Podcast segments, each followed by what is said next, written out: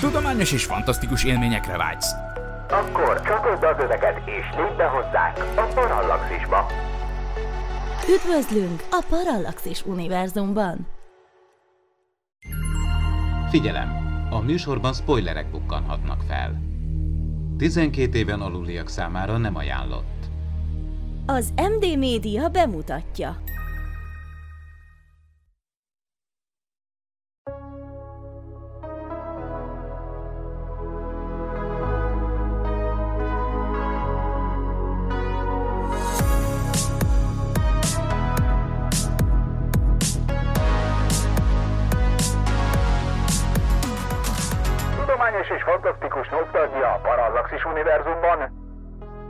A White Sam, az MD Media filmes kibeszélője.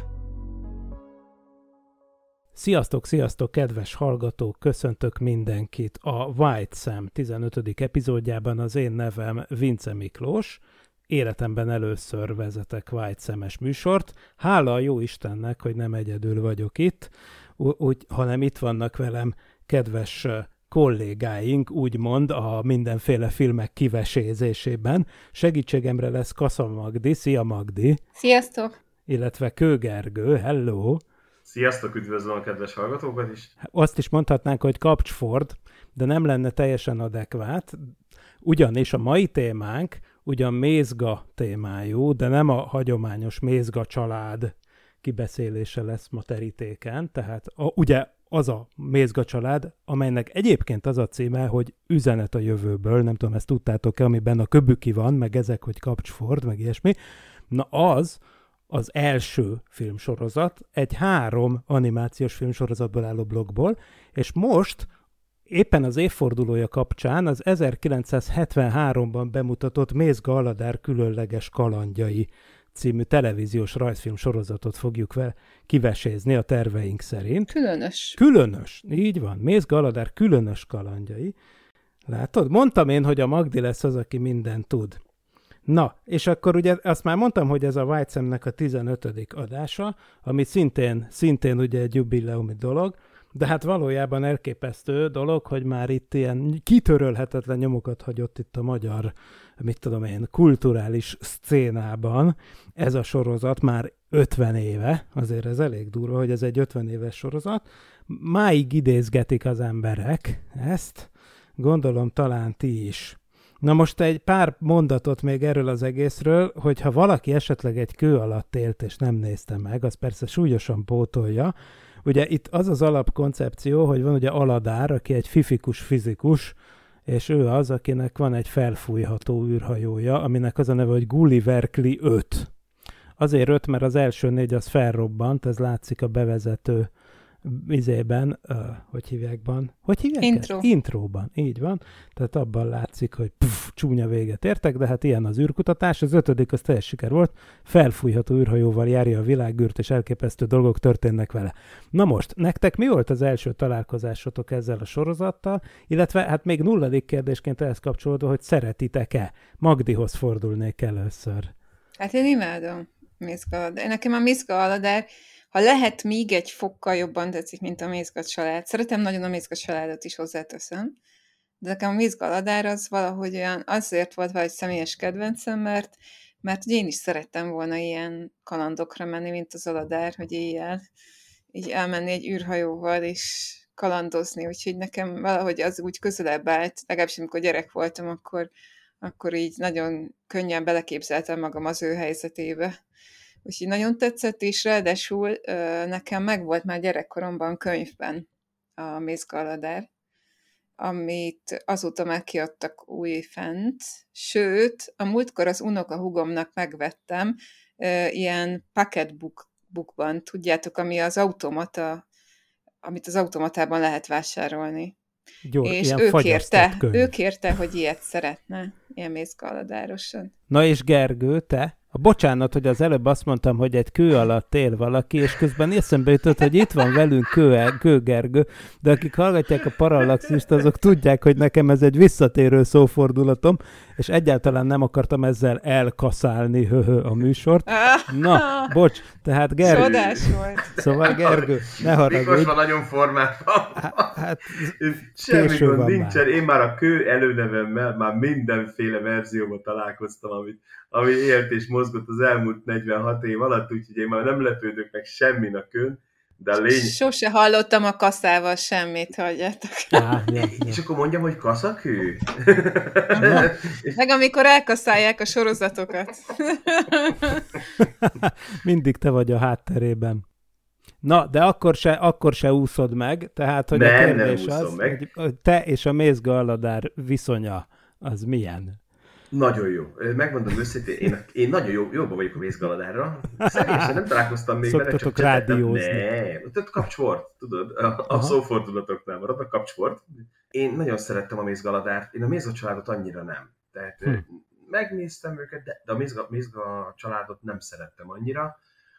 A mézgaladárt viszont egyenesen imádtam, és, és lehet, hogy hasonló okai lehettek, mint amit a Magdi mondott, hogy gyerekkorom egyik tehát olyan ikonikus része volt, hogy hú, mindenki űrhajós akart lenni, köztük én is, és, és, és nagyon tudtam vele azonosulni, mint, mint fiatal fiú.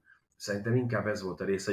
A mézgaladára szerintem ott trafáltak bele nagyon a, a, abba a korszakba, hogy szerintem minden fiúnak ez volt a vágya, hogy, hogy csináljon magának egy űrhajót, hogy otthonról leléphessen, és legyen egy beszélő kutyája.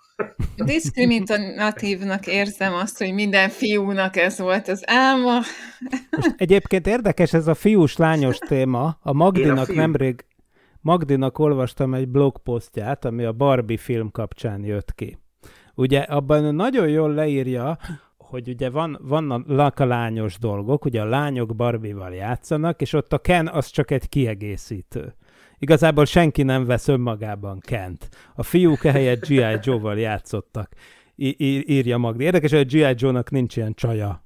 Vagy de van a G.I. Jane, de az ugye már mindegy. Ez kicsit úgy tűnik, hogy messze van a témáról, csak azt akartam mondani, hogy, hogy vannak ilyen sztereotíp dolgok, hogy fiús és lányos játékok és dolgok. Ezt képest Magdiról ugye azt olvashattam ugyanabban a posztban, hogy neki volt ugye mag, a Barbie, de már első dolgod az volt, hogy ráadtál egy Garfieldos kabátot, hogy mégiscsak Kárféldos melegítőt melegítőt. rá, igen. igen. Hogy az teljes... Lecseréltem a kis rózsaszín koktélruháját Gárféldos melegítőre, és úgy éreztem, hogy így helyreállt a világrend. Na ez az, hogy igen, hogy te így állítottad helyre a világrendet, tehát ebből is látszik, hogy te nem, vagy az a, nem voltál az az arhetipikus kislány. Nem, nem igazán. Te is, szeret, te is szerettél volna felfújható űrhajóval repülni. Abszolút. Sőt, hát én, én űrhajót építgettem otthon, tehát hogy nyilván képze, már úgy értem képzeletbelit, hogy tehát csináltam mindenféléből űrhajókat, és akkor elképzeltem, hogy azzal tudok utazni az űrben, meg, meg ilyen dimenziókapukat is építettem, amivel át lehetett menni másik dimenzióba, és,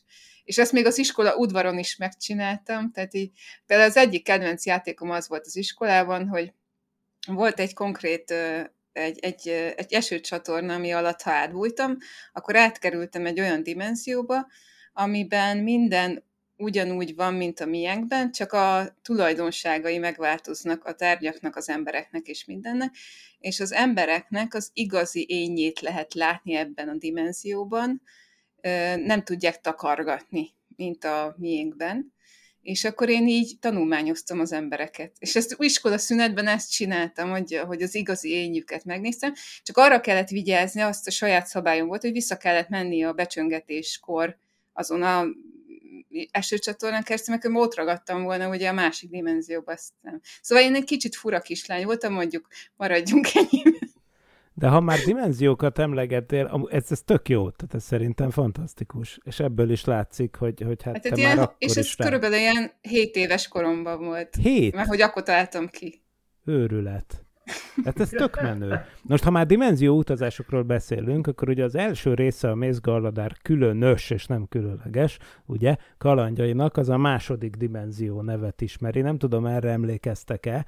Egy olyan világba repül a beszélő kutyájával és a felfújható űrhajójával a háztetőről az aladár, ahol kétdimenziós lények vannak, és ráadásul eszperente nyelven beszélnek, kivéve egy csávót, aki ezzel felségárulást követel, mert azokban a birodalomban csak eszperente nyelven lehet mekegnem nekem, és neked ezen helyen.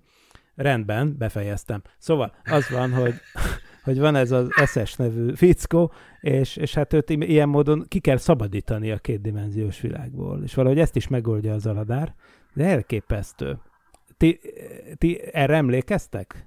Igen, igen, én emlékszem rá, mert a, a, amikor zseblámpával világít oda, hogy be tudjon lépni igazából abból a kétdimenziós térbe, mert ugye őt, mint háromdimenziós lényt nem látják a kétdimenziósok. Igen. Ez, ez is egyébként, a, én nekem az, a Mész Galadárnak ezek a történetei, tehát hogy, hogy így jó, ilyen mesefilmek, de eszméletlen jók a, a hátterek, tehát hogy olyan különleges dolgokat találnak ki benne, és, és ilyen nagyon meta történetek vannak köztük, és nagyon komolyak is vannak. És például ebben is ez, ez a megoldás, hogy, hogy az Aladár úgy tud kommunikálni a kétdimenziós lényel, hogy a zseblámpával világít, és a kezével árnyátékot játszik, mert az kétdimenziós, hm. és ezt, ezt tud kommunikálni. Ez, ez zseniális. Tehát így nagyon-nagyon jó megoldás. És, és tényleg így, tehát így Aladári nagyon-nagyon okos, és és hát szinte lehet, hogy kislányként lehet, hogy nem csak úgy olyan akartam, mint az Aler, kicsit lehet, hogy szerelmes is voltam azon. De... Jó, ne, nem gáz, nem gáz, nem gáz. Nekem a Szikora Sziporka a, volt a, a, izéből, a Gadget Hack Ranch, amiből a, a Csipés Dél ből, ugye? igen, ne, igen, a szipor. Nekem, nekem ő volt az ilyen. Igen, hát igen. Óvis koromban őt terveztem feleségnek, de hát ő egy egér, tehát látjátok, hogy én már akkor is ilyen liberálisan gondolkoztam. Ilyen, ezek nem lehetett akadály. Igen, és ennek a, ennek a résznek is az, hogy a lényege, hogy ugye utána kiszabadul a csávó belőle, aztán a végén nem tetszik neki. Tehát a háromdimenziós lét nem tetszik neki. Tehát, ha jól emlékszem, akkor az is van vége, hogy valahogy vissza, visszamegy a két dimenzióba, aztán valahogy vissza teszi az aladár, de már pontosan nem emlékeztem, hogy hogy, és nem az rémlik, hogy, hogy ilyen kiszabadul onnan, ahonnan ki akar szabadulni, ami nem tetszik neki, de aztán végén rájön, hogy az se jó, ami a másik oldalon van. A már harmadik dimenzió se, se az igazi. Tehát kicsit ilyen társadalmi, nem az, hogy kritika üzenete is van neki, ugye gondoljunk be, hogy ez mikor készült ez a rajzfilm, tehát ez uh-huh. 70-73, tehát ez még kőkeményen az a korszak, amikor, az, amikor az emberek ki akartak menni nyugatra, de azt mondták, hogy nem menjék ki nyugatra, maradj itt szépen keleten, mert itt a jó, ott nem jó, nem jó. Kicsit volt egy ilyen üzenete is szerintem uh-huh. a mhm. hátulütője, de nem akarok politikát belevinni. De érdekes a szociális háttér. Mindenképp Igen, érdemes igen. belevinni. Azért is, mert egyébként ugye a harmadik sorozatban megtudjuk, hogy ki a túró az a Hufnagel Pisti, ugye, akit az, a, aki, akit az, e, az első sorozatban a Paula minden adásban emlegetett, hogy bár csak ahhoz Így ment van. volna feleségül, aki ugye egy emigráns, aki azt hiszem Ausztráliában telepedett le és a fun fact, hogy abban a sorozatban, a harmadik sorozatban már maga Geszti Péter a magyar hangja az Aladárnak kiskorában. Ez is örület. De itt, a, de mindegy, de, de az űrutazósban, a különös kalandjaiban nem. Szóval igen, mindig érdekelt amúgy, hogy a Mézga család az amúgy miféle társadalmi, hogy hívják, osztályba vagy kategóriába tartozik. Tehát, hogy tök érdekes nekem ez, hogy, hogy ez a 70-es éveknek a Magyarországa hogy jelenik meg, hogy, hogy, hogy én ezt ilyen, ugye ilyen volt kispolgár családnak gondolom ezeket, ugye? De igen, de szerintem az a tipikus ö, családot, ö, tehát a, ami az akkori átlagnak, olyan, mint a, a ilyen bemutató, mint mondjuk a szomszédok, ahol ilyen átlagcsaládok voltak a főszereplők, akikkel ugye nézők tudtak azonosulni, mert Igen, ugyanolyan... de azok egy lakótelepel, de mint a, mondjuk egyébként ugye persze a szomszédok... azt hiszem. Igen, igen, ezek, igen, a szomszédok. Ezek viszont igen. biztos, hogy ilyen, ilyen... Ja, hogy valamikor ilyen gazdagabb Hát én úgy gondolom, Polgári hogy család lehet. Én szerintem én azt gondolom, most én ezt találtam ki magamnak, hogy, a, hogy ez vagy a 7., 8., 6., 7., 8., 9. kerületben lakó, egyértelműen budapesti bérházban lakó az biztos. család. Pesti, szerintem nem budai, hanem szerintem egyértelműen pesti. Uh-huh ha, ha tippelnem kéne, akkor a hetedik kerületbe kéne rakni, és egyszer kitaláltam, hogy a mézga az Moszkovicról lett magyarítva, de ebben nem vagyok teljesen biztos. De ugye ott van a Máris szomszéd, aki gyakorlatilag egy nyelvész. Egy akadémikus. Igen. Tehát egyik sem a tipikus, klasszikus munkás, paraszt, szocialista embertípust jeleníti meg. Itt Nem tudom, a Mézga Gézának van foglalkozása? bérszámfejtő. Bérszámfejtő, tényleg Bérszám, kellett- mert van, amikor jön a, jön lehető a legunalmasabb. Igen, A, a igen. Paulának nem tudom mi a foglalkozása. Háztartásbeli. Háztartásbeli. És ér- érdekes voltam különben, ugye úgy is kezdődik az egész, hogy papa, mama, gyerekek, csupa szív, szeretet, tehát így, egy idilli család próbál beállítani, Igen. viszont mégis, hogy hívják ugye a, a jaj, hogy hívják a csajszit, mindig elfelejtem. Kriszta. Kriszta. Kriszta, igen, tehát a Krisztának is ugye... Tiszta gyagya. Tiszta, ja, Kriszta tiszta gyagya, de hülye, ő egy ilyen lázadó, egy ilyen mint tini. Tehát Egy beatnik. Tini. Tehát ez igazi tini. Ez ahogy csak, ja, ha, ha, ha. a aladár meg ugye az a, az a, az a kicsit ilyen, ilyen kívülreked mindenkin, a, a családban a legkisebb gyerek is kívülreked, mégis az az elkényeztetett. Az, én ember azt várná, hogy tudod, a legkisebb gyerek az elkényeztetett gyerek, de nem, itt nincs elkényeztetett, ő inkább ilyen kívülrekedő maga a családba, és ugye szerintem pont ezt is használták ki, hogy én, én úgy emlékszem, de lehet, hogy rosszul is javítsatok ki, hogyha nem, hogy a Mézga családban az Aladárnak nem volt akkora szerepe. Volt, mert ugye ő volt a köbüki, egy forintért megmondom, tehát ő volt a mindentudó, úgymond, a kis okos gyerek, de én, nem emlékszem rá, hogy konkrétan olyan, olyan nagy szerepei lettek volna hogy a sorozatban, és szerintem lehet, hogy ez is kapott egy külön sorozatot, vagy Ugye, Nem, nem igen, tudom. jó, hogy ez a spin-off. A spin-off tök jó, hogy ez spin-off, mert ha belegondoltok, hogy hogy indul, hogy ahogy mondtad is, amikor megy a papama a gyerekek, akkor a spin-offra tök jó rímel, hogy ott van egy ilyen, az eredeti sorozatban van egy körhinta, amiről így lerepülnek a családtagok, tehát a szó szerint a spin-offot megvalósítják, de, de az e- első spin-off az, az ugye És vissza is utal az, az Aladár intrója rá, hogy repül, mint kozmikus kacsamadár. tényleg. És ugye ott is a kacsamadár Igen. a, az, az első intróban. De, de De igaza van a a, a, a más, a, az Aladár intrójában azt mondják, hogy okosabb egy se lesz talán csak Aladár, vagy okosabb egy se lett talán. Egy se lett hogy mint És akkor ugye ott van a fifikus, fizikus, morcos csoda gyerek. Én így értem legalábbis, Igen. hogy morcos. Ti is úgy értitek, hogy azt mondják? Morcos, Morcos. szerintem is. A- az morcosság, vagy, vagy micsoda, ilyen flegmaság az már az eredeti sorozatban is előjött. Meg a Ez csoda gyerek is. Csak akkor még is, kisebb igen. volt az Aladár, akkor még nem kamasz volt, ebben már kamasz. Igen. Vagy igen, így van. Tehát akkor a Krista volt akkora, amikor mondja Igen. Gergő, hogy tipikus, tipikus kamasz volt, aztán közben megnőtt az aladár. Igen. Ja, ő lett a tipikus kapa, kamasz. Ki Igen. lehet, hogy azért érzed azt, hogy nem volt akkor a szerepe, mert, mert hogy akkor még kisgyerek volt az Aladár. Vannak neki azért a családnál is, amikor, amikor vannak szerepei, szerintem. Meg tipikus Ott is szerepek rájött vannak. dolgokra. Igen, meg a Mézga családban mindenkinek tipikus szerepei vannak, és tipikus történet felépítése is van. Ennek is, tehát az Aladárnak is, de a Mézga családnak is. És abban mindig van valami, ami ugye valamilyen történés, amelyikről valamiért, valamilyen szóról eszébe jut a Mézga Gézának az, hogy rö- ultra rövid hullám, vagy rádió, vagy itt tudom én, valami. És amiről eszébe jut, hogy ezt a problémát megoldhatjuk, úgyhogy a kövikitől kérünk valamit. És akkor jön mindig az aladár, és akkor kiderül, hogy az aladár valamit már megint tönkretett otthon, valamit az esernyőt, vagy a rádiót, vagy a porszívót, vagy a nem tudom mit, kibelezett valamit. És akkor utána hívják ugye a köbikit, hív, kapnak valamilyen találmányt, amit mindig rosszul használnak, és a vége katasztrófa. És Igen, minden. de nem, e, e, e, ez, a így felépítése. Az aladárnak meg az a felépítés, hogy itt is van valamilyen ilyen ellentét, valami helyzet, ami ö, ért az aladárt, vagy elküldik, vagy ő maga visszavonul, de minden esetre valamiért a szobájába fog menni, mert, mert valamiért elege van, és utána a szobájából meg megszökik, és elmegy űrhajóval, és a, ami a bolygón történik, az mindig reflektál arra, hogy mi volt a probléma otthon Igen. mindig olyan, olyan bolygóra megy, vagy olyan bolygóra sikerül mennie, amiért valamiért összefüggésben van az otthoni problémával. Majd amikor visszajön, akkor már mint megoldott problémát kezeli azt az otthoni problémát. Tehát mindig a bolygón Igen. oldja meg igazából azt, ami... Igazából, hogyha azt néznénk, akkor lehetne ez egy, egy, egy olyan, mint hogyha az Aladár saját képzeletében utazna. Na, ezt most akartam nagyon... mondani, hogy az utolsó részt, ha megnézitek, Így van, az utolsó. igen. ugye? Az Antivilág című részt, aminek a végén nem egyértelmű, hogy azt a sztorit álmodta-e az Aladár, vagy megtörtént, mert az ágyában kell föl. Mhm. Igen, és ott azt hiszem a, a Blökivel is fejeződik be, hogy a Blöki, lehet, hogy rosszul emlékszem, de hogy vigyorog, vagy kacsint, vagy valamit, valami a Blökivel fejeződik be az egész sorozat, ha jól emlékszem.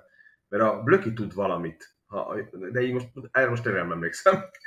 Ugye a blökére visszatérve az is egy előrelépés, hogy, hogy ugye oké, okay, hogy az Aladár, ahogy mondta Magdi, az eredeti sorozatban mindent megfejt, meg ő az eleve, aki kulcs szerepet, ő a kapcsolattartó, ő az, aki megérti az új magyart, ugye?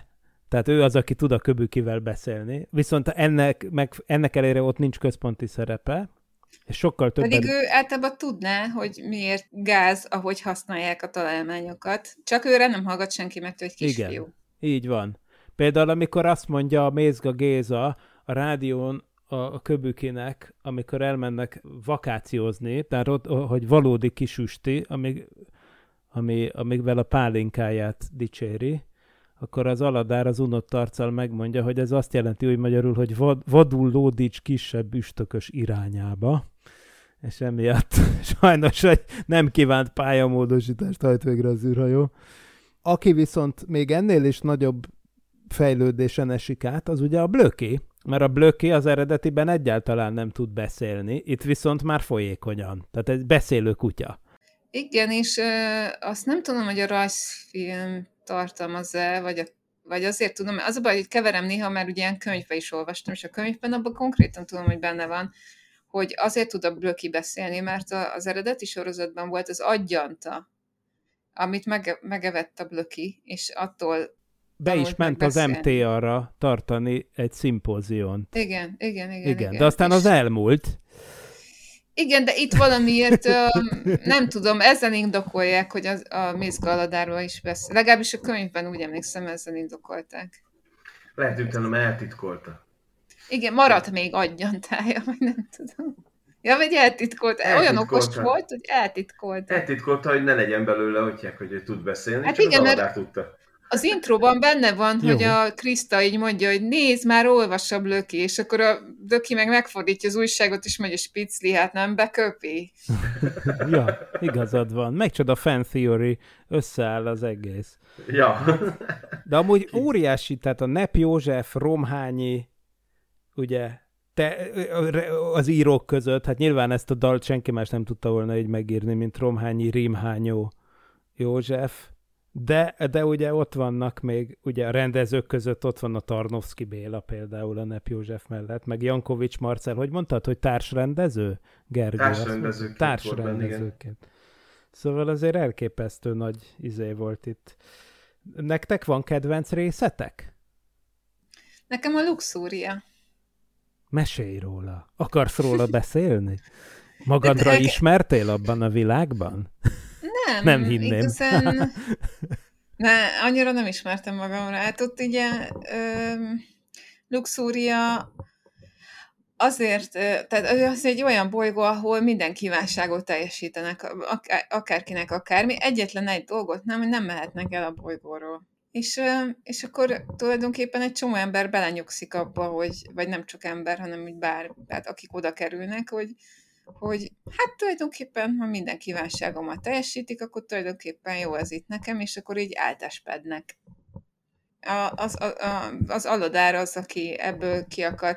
És már nem emlékszem pontosan, de hogy a Blöki is ö, ö, belenyugszik ott, mert ő is kap egy csomó mindent, meg annyi tehát, amennyit akar, meg, meg kutyalányt is kap, azt hiszem, vagy valami ilyesmi van. Tehát, hogy, hogy mi- minden, minden kívánság, minden megvan, tehát amit csak akarnak, de hát ugye... De ki kell mondani, nem? Tehát az van, hogy ha Igen, ki kimondasz mondani. valamit, akkor az teljesül. És akkor mindig elhangzik egy ilyen mondat, hogy luxúriában minden kívánság teljesül.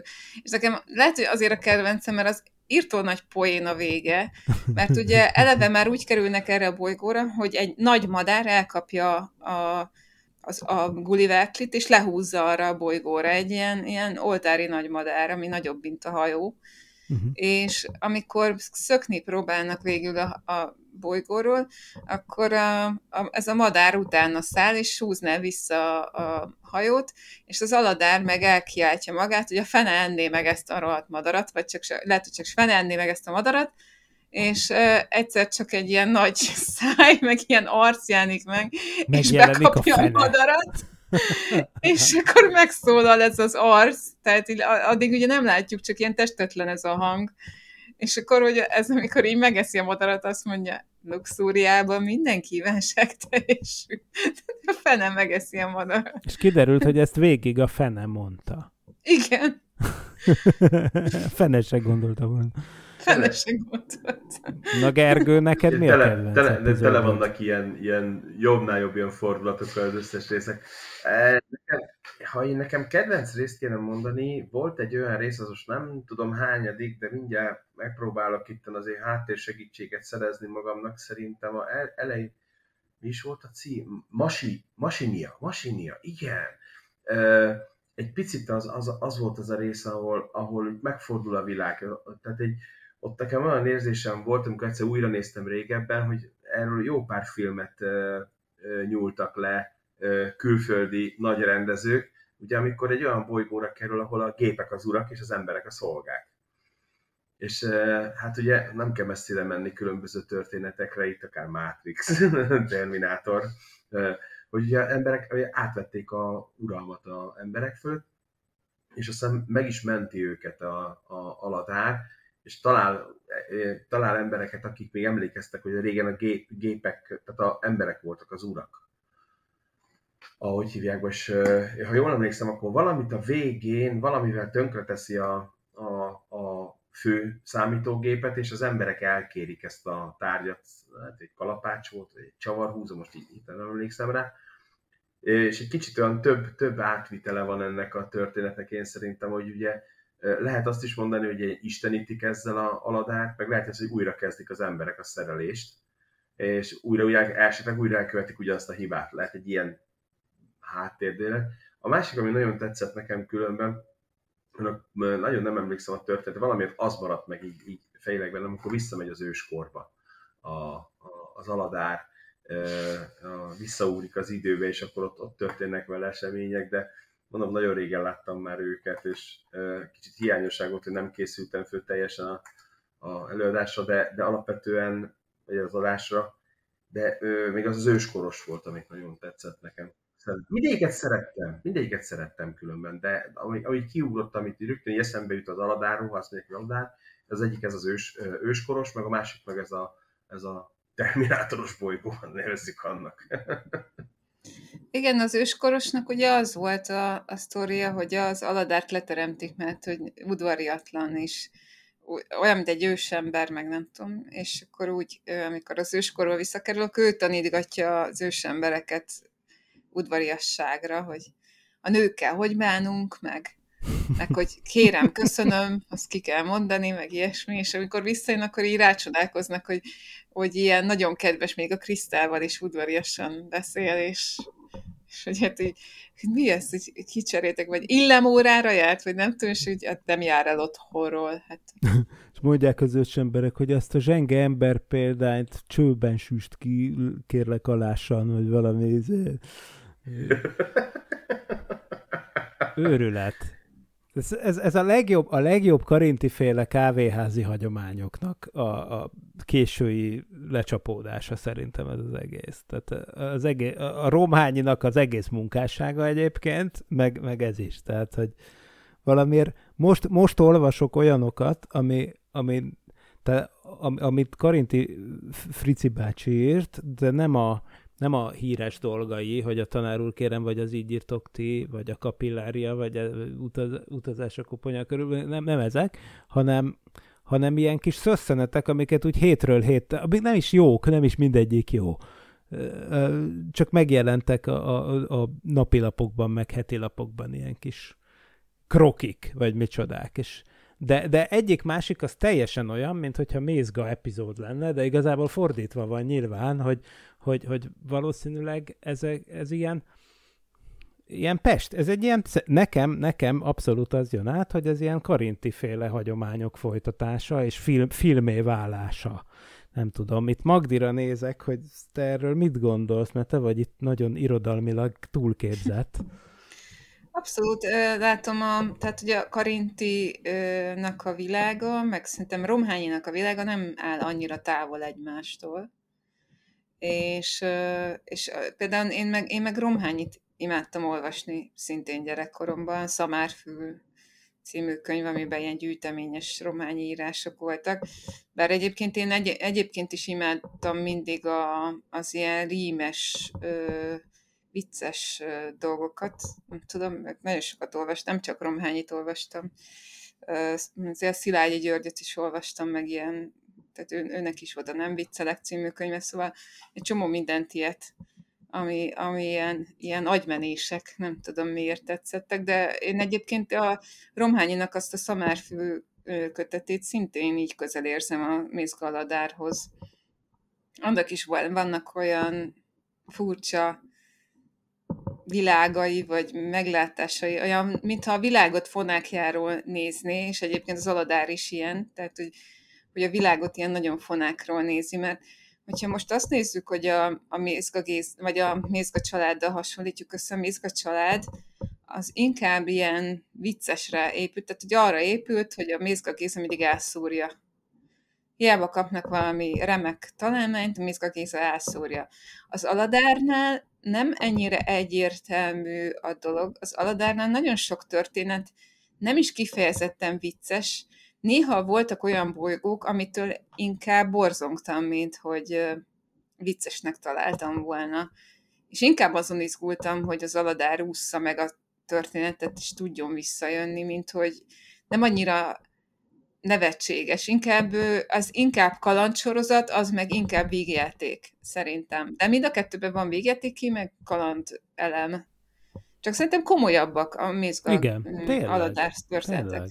Jó, hogy ezt így megfogalmaztad. Triviális, de nekem ez így meg sose állt össze. Nem, nem igazán tudtam én a fejemben szétválasztani a kettőt. Tehát én mindig egy egységként képzel, ké, né, néztem, hogy a mézgájék, és, de most, hogy mondod, tök más az egésznek a hangulatvilága. Igazatok van. Ez így van, ez így van. Én, nekem egy kicsit közelebb áll, bocsánat, hogy így behozom ezt a fajta ötjákat, sorozatot, ugye a Star Trek, tehát nekem a Mész Galadár inkább egy picit arra felé hajaz, felfedezni különös új világokat, ugye?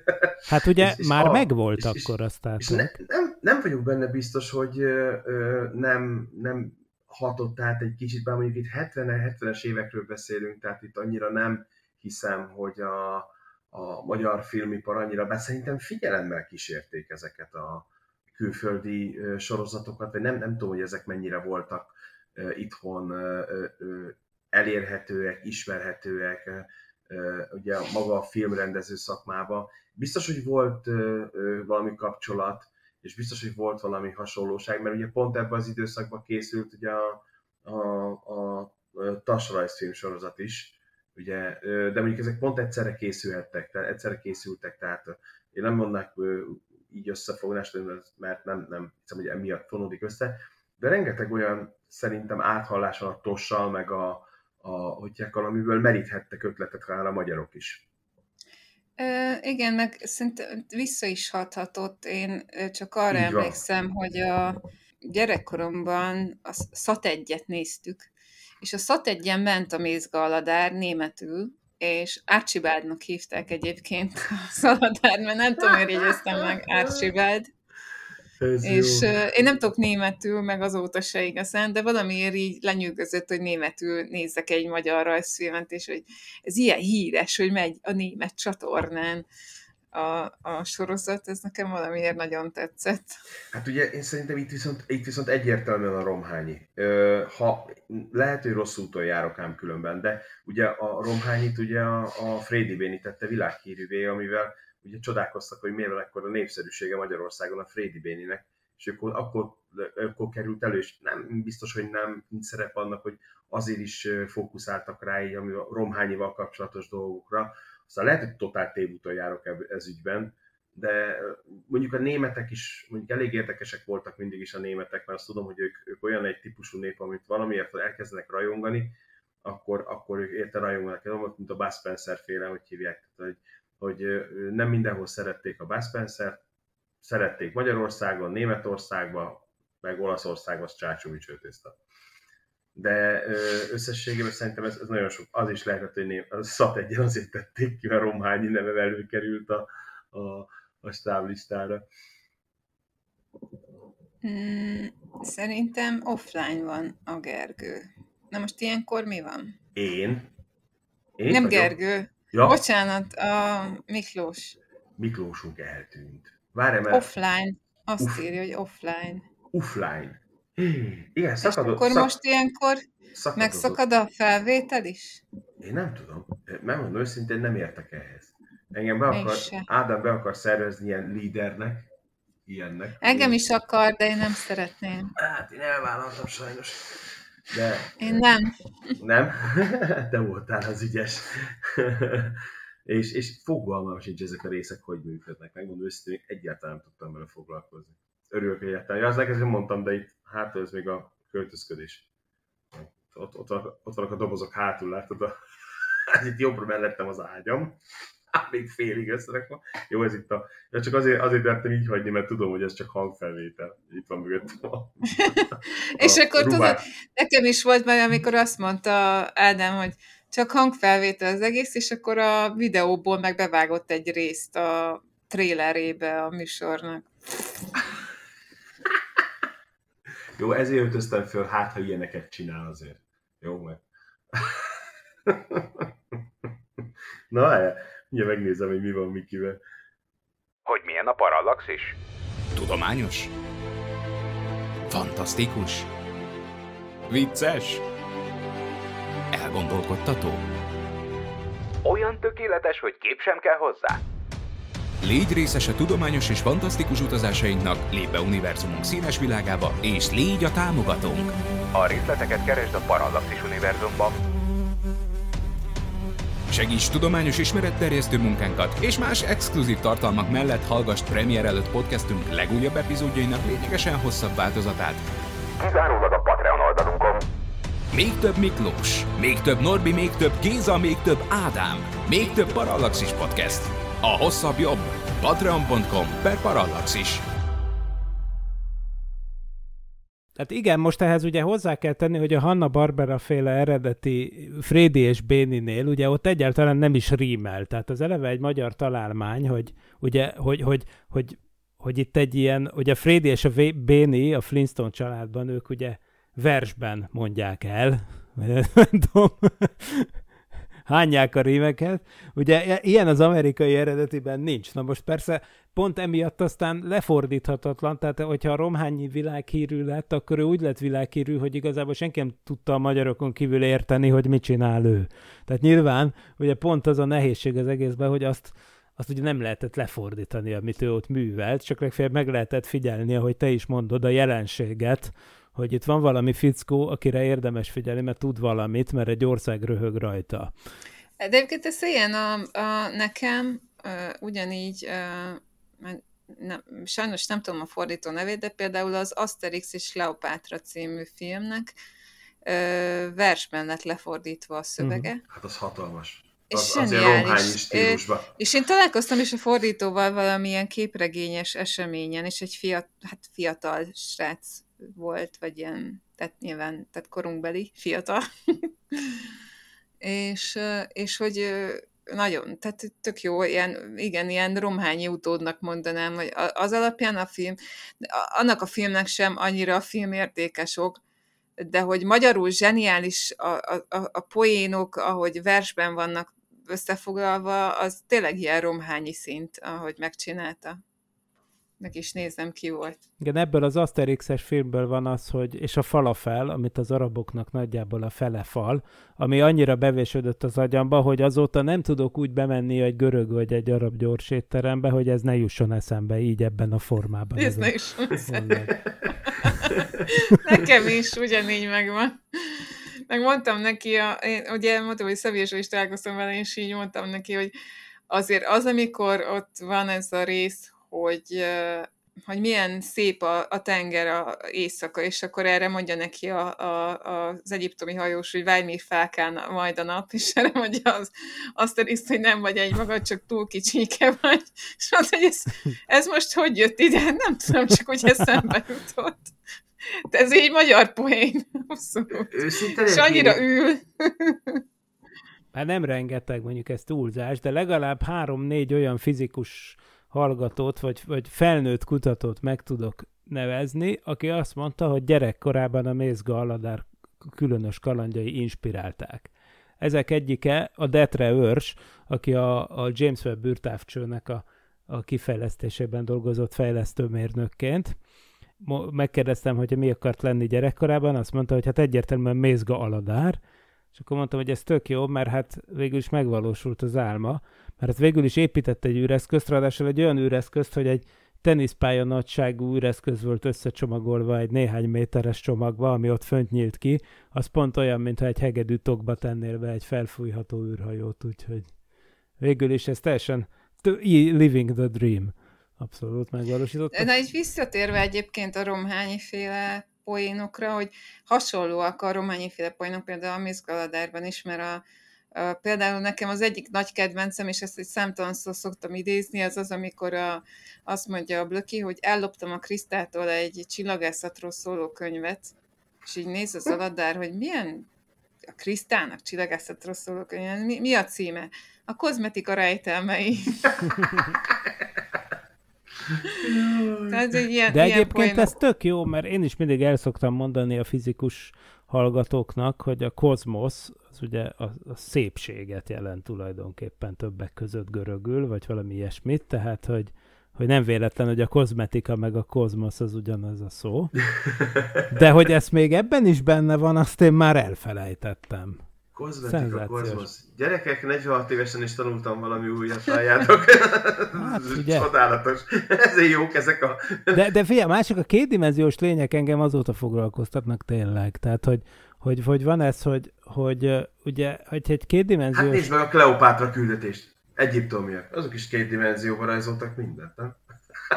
Hát ugye, hogy elég furcsán kicsavarva kétdimenziósba gondolkoztak, kivéve a szobrokat csináltak, de a falon minden kétdimenziós volt. Igen, és ebből is látszik, hogy ez egy szokás kérdése. Tehát ők megtudták, hogy ezt így kell rajzolni, így illik rajzolni. Nem, nem, nem mintha nem tudtak volna szerintem máshogy rajzolni. Csak ezt ez... úgy tanítjuk, mert hogy én ugye művészettőri tanár vagyok eredetileg, hogy a legnagyobb felületek törvénye, aha, aha de mondjuk szerintem inkább azt mondanám, hogy a legjellemzőbb felületek törvénye, mert azt gondolom, tehát a válasz az így oldalról nem olyan jellemző, mint mondjuk szemből. Uh-huh. A, a fejnek meg ö, ö, jobban van karaktere, hogyha profilból rajzolják. Tehát, hogy inkább ilyenek. És a kétdimenziós világban is, ugye, a Mézga aladáréknál így jelennek meg. Amúgy azt még azt nem sikerült megértenem, hogyha műftör is vagy, akkor, akkor te ezt alapból látod a lelki szemeid előtt, a hallgatóknak meg mondom, hogy engem mindig foglalkoztat, hogyha megné- megnézzük a kezek, a hüvelykúj meg a többi új viszonyát ezeken, akkor úgy tűnnek ezek a, az alakok, mintha kettő jobb kezük lenne.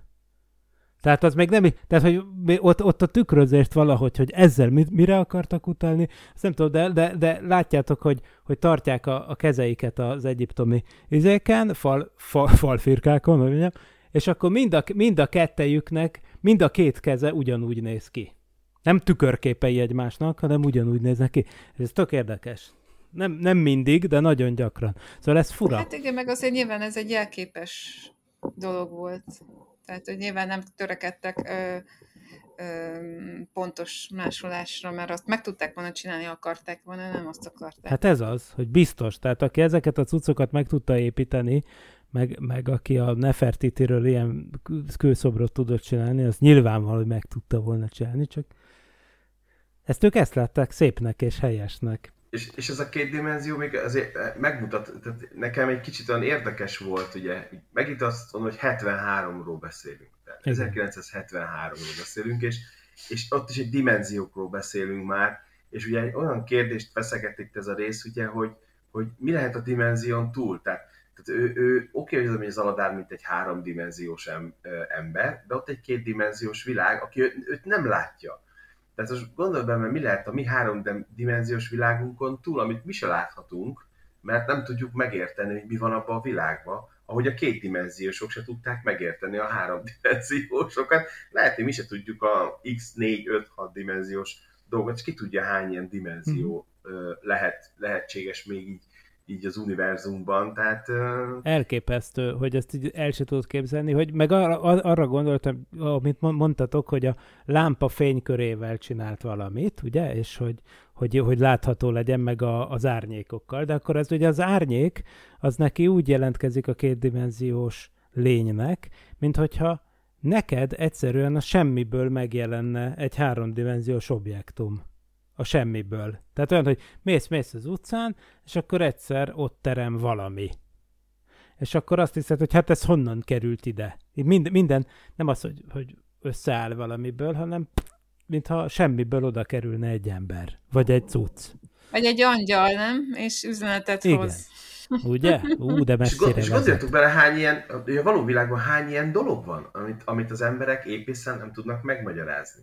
Lát, hát a való világban hallom. rengeteg, erről az Ádám tudna mesélni. De egyébként a, a, bocs, a, a, a Star Trek sorozat már, már felhoztad, az is feszegeti ilyeneket, hogy mi van, hogyha vannak olyan élőlények, akik nem humanoid formájúak, a sok sci ebbe a csapdába esik, hogy minden lény humanoid de mondjuk az is megmagyarázható azzal, hogy a humanoidokkal tudjuk felvenni igazán a kapcsolatot, hiszen azok hasonlítanak hozzánk. Tehát egy energia lényel igen nehéz kommunikálni, bár Star Trekben ezeket is megoldják, hogy felfedeznek ilyen lényeket. Ezért Star Trek, igen.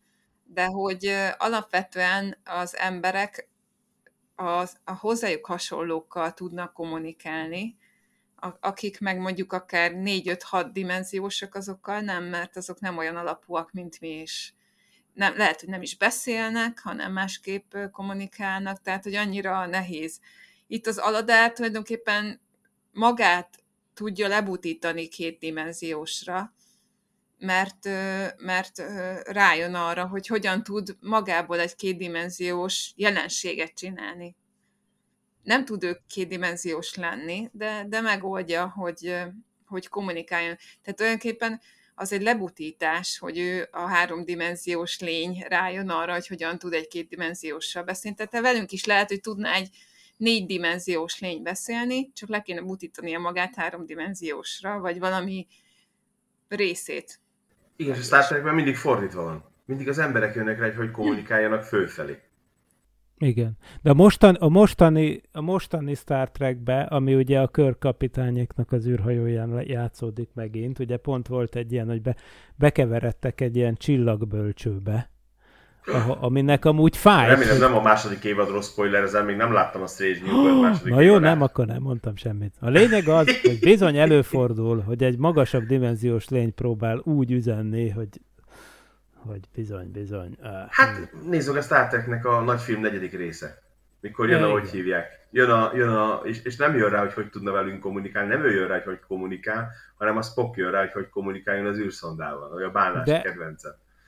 Ez fantasztikus. Ez egészen kezd hasonlítani a, a tengerész barkokbára, ugye, amikor ugye, mit tudom, függőleges vagy víz, három betű függőleges vagy vízszintes nedves? Nem. Akkor, vagy mi, szőrös? Nem. Akkor rum. Vagy nem tudom, szóval, hogy van, tehát, hogy, hogy van az, hogy, hogy, hogy igazából tulajdonképpen valahogy mindig a Star Trekhez jutunk. Tehát, hogy bármir, bármiről is, bármiről is kezdünk beszélgetni, de valahogy mégis... Star Trek. Mi, mégis a végén mindig Star Trek lesz belőle, pedig most tényleg igyekeztünk a méz, mézgaladártól indulni. De akkor picit kanyarodjuk vissza a mézgaladárnak a részeihez. Igen, Ugye beszéltünk arról, ugye, hogy hogy ugye kommunikáció. És ha jobban belegondoltok, egy csomó részben vannak másfajta kommunikációk. Tehát máshogy kommunikálnak, és ott is az aladár jön rá, ugye, hogy hogy kell velük kommunikálni. A music, van ilyen szerevilágba megy, akkor ahogy hívják, szintén így van a, ez a, a masinériás világban, abban is ugye ott máshogy kommunikálnak, és egy csomó résznek ez az alapja, hogy, hogy máshogy kommunikálnak, és rájuk, rá, rá kell jönniük az aladárnak, meg a blökinek, mert van olyan rész, ahol a Blökinek kell rájönnie, hogy, hogy, hogy a fitfenébe tudja megmenteni az aladárt, mert az aladár bajba kerül. És ugye itt a, a, a, a maga mézgaladár ad egy csavart neki, hogy nem is az ember oldja meg a problémát, hanem egy kutya. oldja meg. Jó, zseni kutya, de, de megoldja. De milyen társadalomkritika is van amúgy ezekben a részekben? Tehát ott van például a Krimi bolygó című, arra emlékeztek? Az van, hogy a lakosság három részre oszlik, az egyik része bűnöző, a másik része áldozat, és a harmadik része meg rendőr. És ezek, nem tudom milyen ünnepnapokon, ezek folyamatosan szerepet cserélnek, cserélnek és így megy körbe-körbe. Egy igazi váltógazdaság gyakorlatilag. Ez, ez mondjuk érdekes, hogy a 70-es évek Magyarországában ez még nem merülhetett föl, mert akkor ugye egy pártrendszer volt, de valójában ez, ez, ez valahogy azt mutatja, hogy hát igen, ma mi lopunk, és, és izé, legközelebb ti fogtok lop. Tehát ez, az egész egészen úgy néz ki, mintha valami va, ilyen kritikája lehet, hogy, lenne. Lehet, hogy lehet, volt egy kis bújtatott társadalom kritika. Igen. Hát lehet. De ugye több részben is, szerintem a többiben is lehettek ilyenek. Bár attól függően, ugye, hogy a Ternovszkinek is voltak, ugye például a Maskafogónak a, a, az egész tehát a nyugati, igen, ott lehet, hogy a nyugati világot figurázta egy kicsit ki, de ott is egy társadalomkritika volt kőkeményen a macskák meg a egerek közötti háborúba. Az NDK-ban nem volt hofi. Én szerintem azért a magyar rendszerben azért volt egy olyan fokú rugalmasság, hogy hagyta ezeket a társadalomkritikákat, ha kicsit bújtatottan is, de még Hofi minden volt, csak bújtatott, nem, de, de, de hagyta. De szerintem hagyta és ez szerintem jót tett az akkori magyar, akár filmiparnak, akár rajzfilmiparnak szerintem. Nagyon jó dolgok készültek akkor. De egyébként szerintem egyrészt a sci az sokszor használja az a, a különböző világokat arra, hogy valamilyen visszacsatolást adjon a jelenkor problémáira, soha nem beszélünk a Star Trekről, de elég egyértelmű, hogy mindig a aktuális helyzetekről és kérdésekről, társadalmi, politikai, világnézet, stb. bármiről, ami éppen adott abban a korban, arra mindig reflektál a Star Trek, csak mindig valamilyen idegen lény, vagy valami ilyen idegen világgal kapcsolatban, és hogyha érted, érted, ha nem, akkor nem. De az, a Miss Galadár szintén ugyanezt csinálja, Igen. tehát hogy itt is tényleg ö, bizonyos dolgoknak a kritikái vannak a különböző bolygókon, amit hogy az elején említettem, hogy, a, hogy az elején mindig az epizódnak valamilyen problémáról van szó, és akkor annak a karikírozása van a bolygókon, és arba is belgondoltam, hogy van egyetlen olyan bolygó, amint ti szívesen élnétek az Amész Galadárból? Hmm, de nehéz kérdés. Hát a Luxúria elhozza a legközelebb, ugye? Nyilván. De azt tulajdonképpen így rá, rákényszeríti a, a luxust az emberre. Igen. Tehát nem biztos, hogy jó Igen. egy fogolynak lenni egy luxus börtönben. Jó, ez így van. Ugye ezek nagyon messzire vezető kérdések. De picit, picit nem gondoltatok abba bele, mert majdnem minden ö, rész, csak hogy egy kicsit, ö, ugye, ugye nagyon divatos az, hogy hú, valamilyen társadalomkritika. De most, hogy ez egy rajzfilm, akárhogy is nézzük, ez egy gyerekrajzfilm ami, hát, hogy mondjuk, inkább egy fiatal kamaszfiúknak szólt inkább, mert ugye fiatal kamaszfiúról szólt az egész történet, és ott minden egyes rész valami olyan viselkedés móddal kezdődött. Nem lehet, hogy egy picit most így, most lehet, hogy, lehet, hogy rossz indultam, egy kicsit túl gondoltuk most ezt a dolgot, és maga a sorozatnak nem is az volt a célja, hogy ilyen társadalomkritika, hanem, hanem egy kicsit inkább ilyen nevelő szándék. A, a, ugye a fiatal fiúknál, ugye, hogy igen, utána lapátold el a havat, viselkedjél udvariasan, tehát le, lehet egy kicsit túl gondoljuk ezt a dolgot, és, és lehet, hogy az egésznek az alapja nem is az, hanem az, hogy, hogy egy picit a fiatal kamaszfiúkat, azért 70-es, 80-as évekről Társadalom szinten bizt, én nem gondolom, hogy lenne. Az, hogy egy kamaszfiúnak milyen problémái vannak, az lehet, hogy, hogy benne van. Mert hogy mindig az aladák problémáival van szó. De Mondjuk például a, a pont most, a, hogy annyira leragadtunk, de tényleg nagyon jó ez a rész, ez a második dimenzió. Ugye a második dimenzióban ott nincs is igazán olyan probléma, ott csak annyi van, hogy elküldik hegedülni, vagy valami ilyesmi, és akkor meg a hegedűtokba viszi ki a Gullivertlit a, a házból, és akkor mint hogyha a tetőn vagy hol hegedülne, vagy valami ilyesmi. I- igen, és hát igazából a blöki hegedül. Ja, igen, igen, igen. Tehát, hogy az van, hogy addig a blöki hegedül, mert ahhoz is ért egyébként. Tehát legalább, legalább annyira jól tud hegedülni, mint egy kezdő zeneiskolás, mint tenét az aladár, ami persze borzasztó. Tehát én nagyon örülök, amikor a kisfiam a zongora zongorát választotta, mert a zongorán leütsz egy billentyűt, az úgy szól, ahogy kell. De hogy a hegedű meg, már csak önmagában a megszólaltatásával mennyit szívhat a család és a szomszédok, ugye, az egy, az egy komoly dolog. De tényleg az van, hogy, hogy visszatérve arra, amit a Gergő is mondott, és egyébként a kétdimenziós világos történetre is igaz, hogy ugye itt mindig az van, hogy elmegy ezekbe a világokba, és tanul valamit, és aztán jobb kisgyerek lesz belőle. Tehát lehet, hogy nem csak, e, tehát szerintem benne lehetett a társadalom kritika is, de szerintem azért ta- tagadható ez a nevelő szándék, tagadhatatlan ez a nevelő szándék ilyen értelemben. Igen, meg talán én arra gondoltam, hogy a, a, a mézgaladár az valóban specifikusabban szól nézőknek, talán tényleg a fiatalokat célozza meg. Nem tudom, hogy pontosan milyen korosztályt, mert ezt így nehéz azért belőni, de hogy a mézga... tinik, egyértelműen tinik. A Mézga Aladár, vagy a Mézga család, az családi film volt, mert azt annyira tudom, hogy azt a szüleim is nézték, és imádták egyébként, és az együtt nézte a család a Mézga családot, mert az olyan családi film. A Mézga Aladárt nem szerették a szüleim, azt én imádtam. Amúgy tök érdekes lett volna, ha további ilyen spin-offok is születtek Igen. volna, mármint nem, tudom, hogy lett meg egy harmadik sorozat, de mondjuk lett volna a Krisztáról egy sorozat. Jaj, na azt megnéztem volna. Bár a Krista az... Ő, ő hát, nem egy nem science tudom, fiction ő... csaj. Nem, nem, de egy rocker. hétköznapibb lett volna szerintem. De ő azért, hát megnézitek, ő azért, ő azért be, Igen, csak ő neki nincs kapcsolata se a köbökivel, se a tudománya, tehát hogy Figyeljetek, az mi, mi, mi, mi lett volna a Krisztával, ez szerintem... High School Musical, vagy High, high School Musical. musical. inkább egy kicsit arra felé ment volna el.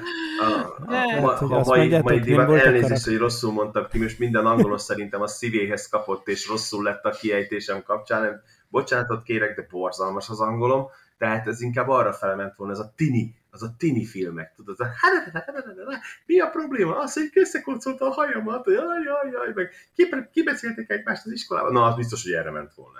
Amire én viszont nagyon kíváncsi lettem volna a spin az a Hufnagel Pisti története. Na, arra lettem volna kíváncsi. Az benne van a, a, a, a vakáción, a Mézga család. Jó, de az csak egy rész, de hát hogyha kifejteni, hogy többit, hogy hogy ment ki, hogy Hát történt. ugye, igen, a szomszéd, de lehet, hogy 56-os. A Máris szomszéd, a Máris szomszéd fiatal kora, én azt Az durva. De olyan durva spin-off lesz Ezt megnéztem belőle. volna. A Máris szomszéd, az nem tudom. Szerintem a Máris szomszéd... Az izgalmas figura. Hát igen, is. azért a Máris szomszéd az egy kemény forma lehetett a 40-es években, 30-es, 40-es években. Tehát én szerintem, hát hogy mondjam csak. Szóval... És akkor ugye menjünk tovább, ugye ott a Köbüki, aki szintén megérdemelte volna egyet, gyermekkora. Hogy, igen, hogy hogy alakult ott a jövőben a történet, és, és én megmondom még, a, én adtam volna egy-két részt magának a Blökinek is.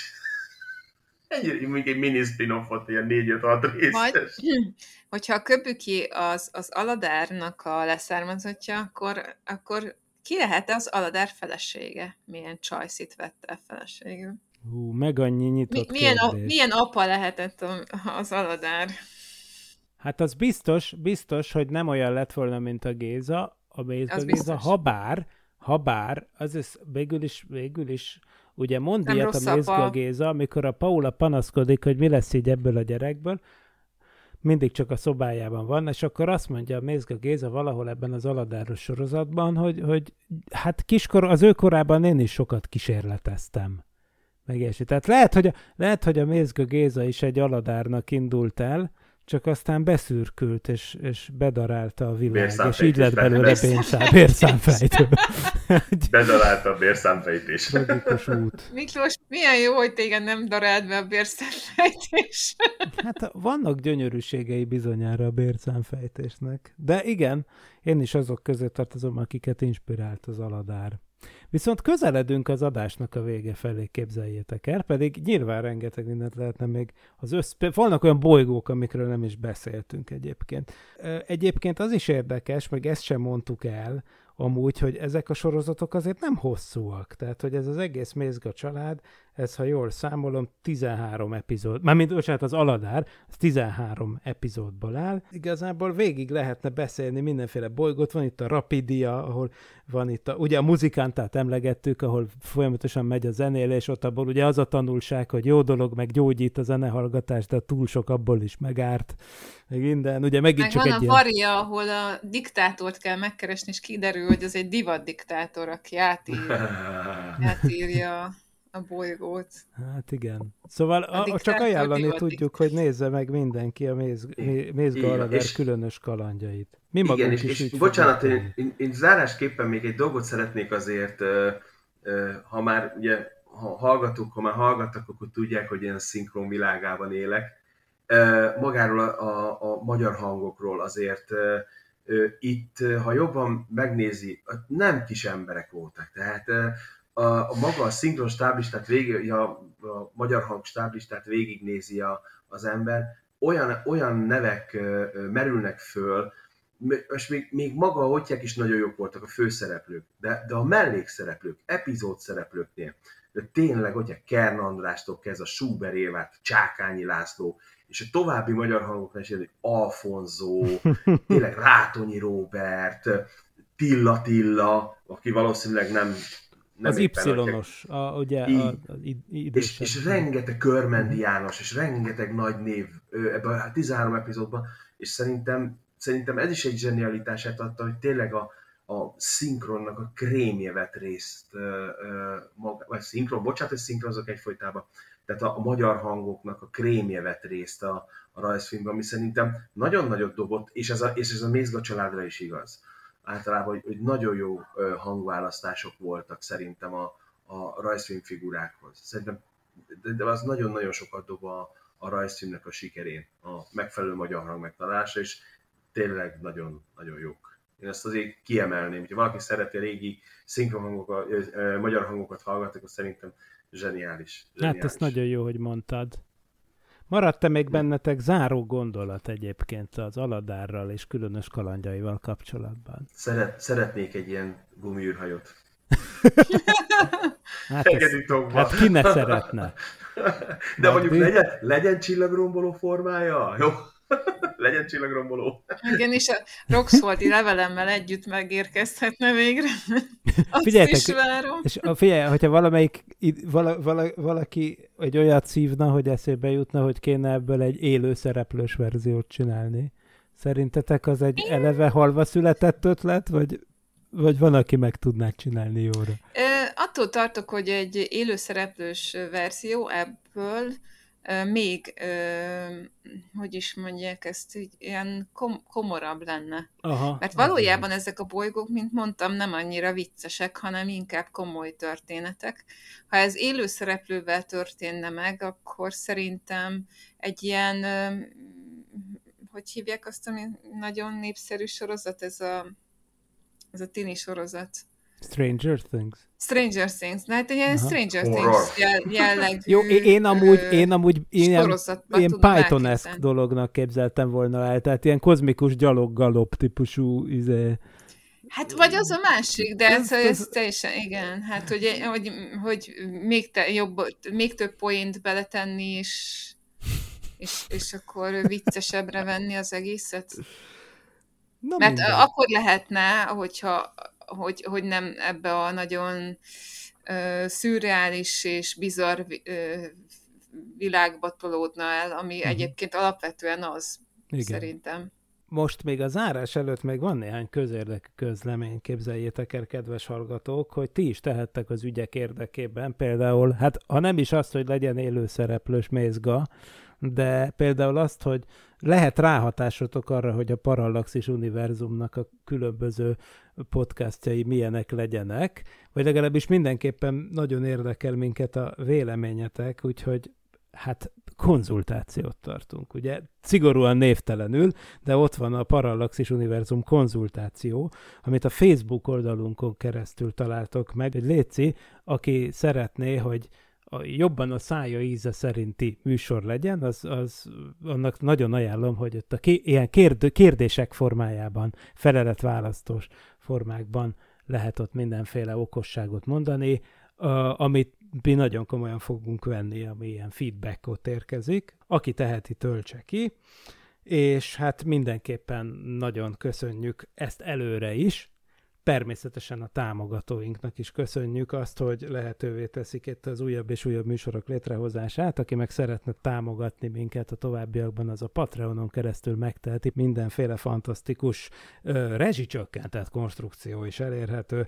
Na, de a lényeg az, hogy sajnos a mai adásunk véget ért, de azért nem kell sokáig várnotok arra, hogy halljatok hasonló dolgokat. Rögtön jön a következő White Sam, a 30 éves x fog szólni. A műsorvezetők Attila, Áron és Géza lesznek akkor, úgyhogy tartsatok velünk, ne menjetek messzire. Köszönöm szépen beszélgető társaimnak, Magdinak és Gergőnek, és az ő nevükben is, meg a kollégáink nevében is köszönöm a figyelmet. Sziasztok! Nem volt elég a tudományból és a fantasztikumból? Olvasd a parallaxis.emtv.hu, lájkold a Facebook oldalunkat, nézd a YouTube csatornánkat, és hallgassd a Szokolébresztőt a Tilos Rádióban. A Tudományos Újságíró Klubja és a Tudományos Ismeretterjesztő Társulat által a Juhari Zsuzsanna díj külön díjával jutalmazott blog podcastjét az MD Media készítette. Kreatív producer Horváth Ádám Tamás. Hamarosan jön a következő rész.